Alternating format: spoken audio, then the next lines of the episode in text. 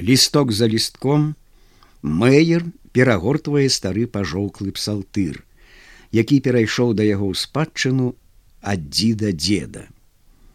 Квадратныя літары на жоўтым полі паперы скачуць перад ім, як чорныя кузуркі. Чырвоная паласа ўсходу палае над лесам. У хаце шэра, ранішні светазмрок прабіваецца праз маленькія шыбінкі. Жонка мэйера, нізенькая і дробная жанчына, тупаецца ля печы, совае гаршкі, ладзіць сняданак. Першым чынам трэба накарміць карову, якая ў гэтую ноч ацялілася і дзеля чаго ў хаце вялікая радасць. На гэтую сямейную урачыстасць, прыйшла і жонка суседа міхалкі, высокая, круглая і ружовая, з вечным дзівам у вачах. Каля печы стаіць цэбар, у якім ладзіцца сягоння смачнае сняданне для каровы. Запарваецца мякіна, абмешваецца варанай бульбай і аздабляецца высілкамі ад жытняй мукі. Гэта ж просто панскае сняданне жартуе меерыха лезь дачакаліся малачка а цяпер? Цяпер цэлы скарб у хаце будзе. Просто рай для дзяцей. А як жа а як жа згаджаецца міхальчыка. Парсюкоў вы ж не коліце у вас усё малако ды малако.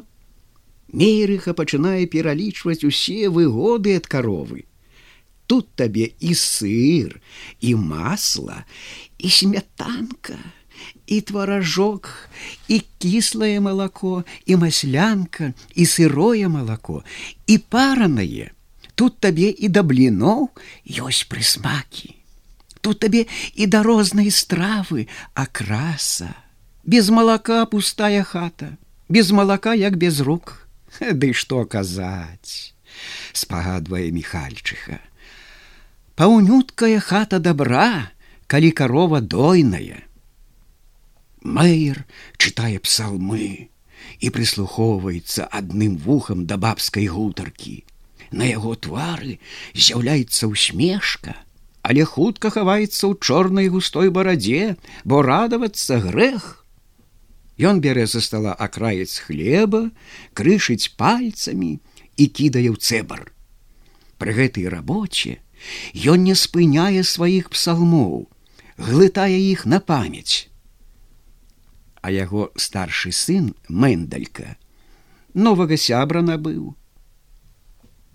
Забаўляецца сцялушкай, якая яшчэ лет стаіць на тонкіх ножках. Хлопчык мукае, як карова, пабрыквае вакол цялушкі на руках і нагах, гладзіць яе жоўтую шерсть і нарадавацца не можа этой вялізнай падзеі у яго жыцці. Лёгка казаць, такога слаўнага таварыша мае. Праз дзень два цялушка ўжо будзе пабрыкваць, скакаць ад стала да печы, ад печы да ложка.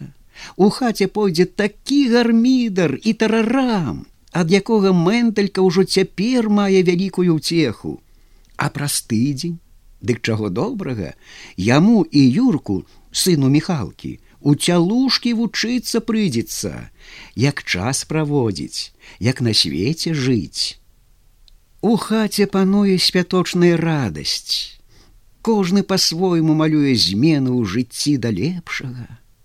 Ацялілася корова скрып дзвярэй перабіў агульны ўрачысты настрой адчыніліся дзверы і пасля цэлага воблака пары на парозе паказаўся высокі дзяцюк дзень добры ў хату сказаў ён трохі ахрыплым голасам добрый дзень адказалі кабеты буркнуў і мэйер які не хацеў перарываць малітвы о ну вёў далей мэйр гутарку з дзецюком на мігі як нямы і паказаў рукою на зэдлік, што азначала прашу сесці. Дякую, адказаў дзяцюк. Буду грэцца каля печы, бо вельмі сцюдзёна. Грэйся, грэйся, гасцінна запрасіла Мэйрыха, вельмі ўжо ты лёгка апрануты, не па-зімоваму. Відаць, душа грэе, пажартавала міхальчыха і давай прыглядацца пільней да дзецюка. А ці не сымон, панскі салавей. Сымон, але ўжо не панскі салавей, адказаў салавей.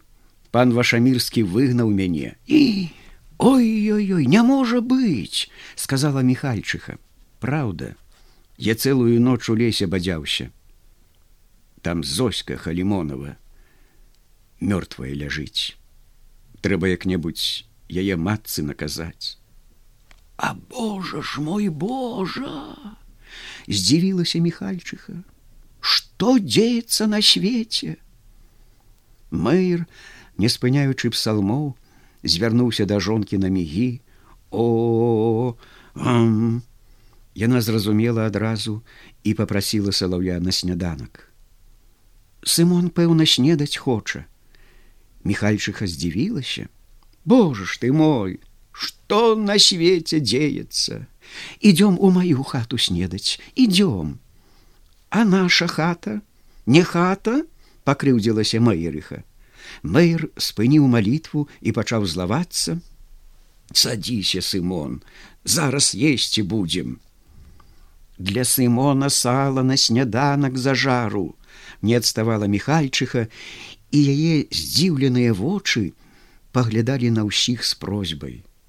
Пачуўшы слова сала майер заткнуў вушы і адвярнуўся да сцяны каб не атрэфіць малітву. Михальчыха павяла салаўя ў сваю хату. У часе яды салавей з міхалкам доўга шапталіся. Пасля гэтага салавей лёг спаць на печы а пад вечар Михалка даў яму стары кажух, торбу харчоў і выправіў у дарогу.